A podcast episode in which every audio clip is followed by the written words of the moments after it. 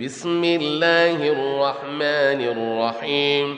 إذا السماء انشقت وأذنت لربها وحقت وإذا الأرض مدت وألقت ما فيها وتخلت وأذنت لربها وحقت. يا أيها الإنسان إنك كادح إلى ربك كدحا فملاقيه فأما من أوتي كتابه بيمينه فسوف يحاسب حسابا يسيرا وينقلب إلى أهله مسرورا واما من اوتي كتابه وراء ظهره فسوف يدعو ثبورا ويصلى سعيرا.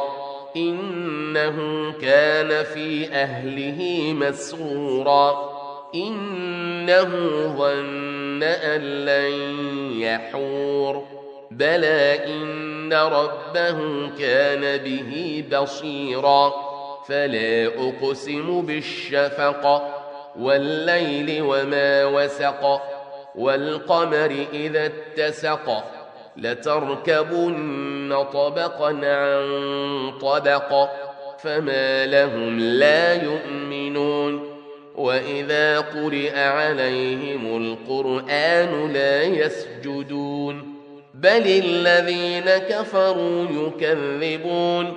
والله أعلم بما يوعون فبشرهم بعذاب أليم إلا الذين آمنوا وعملوا الصالحات لهم أجر غير ممنون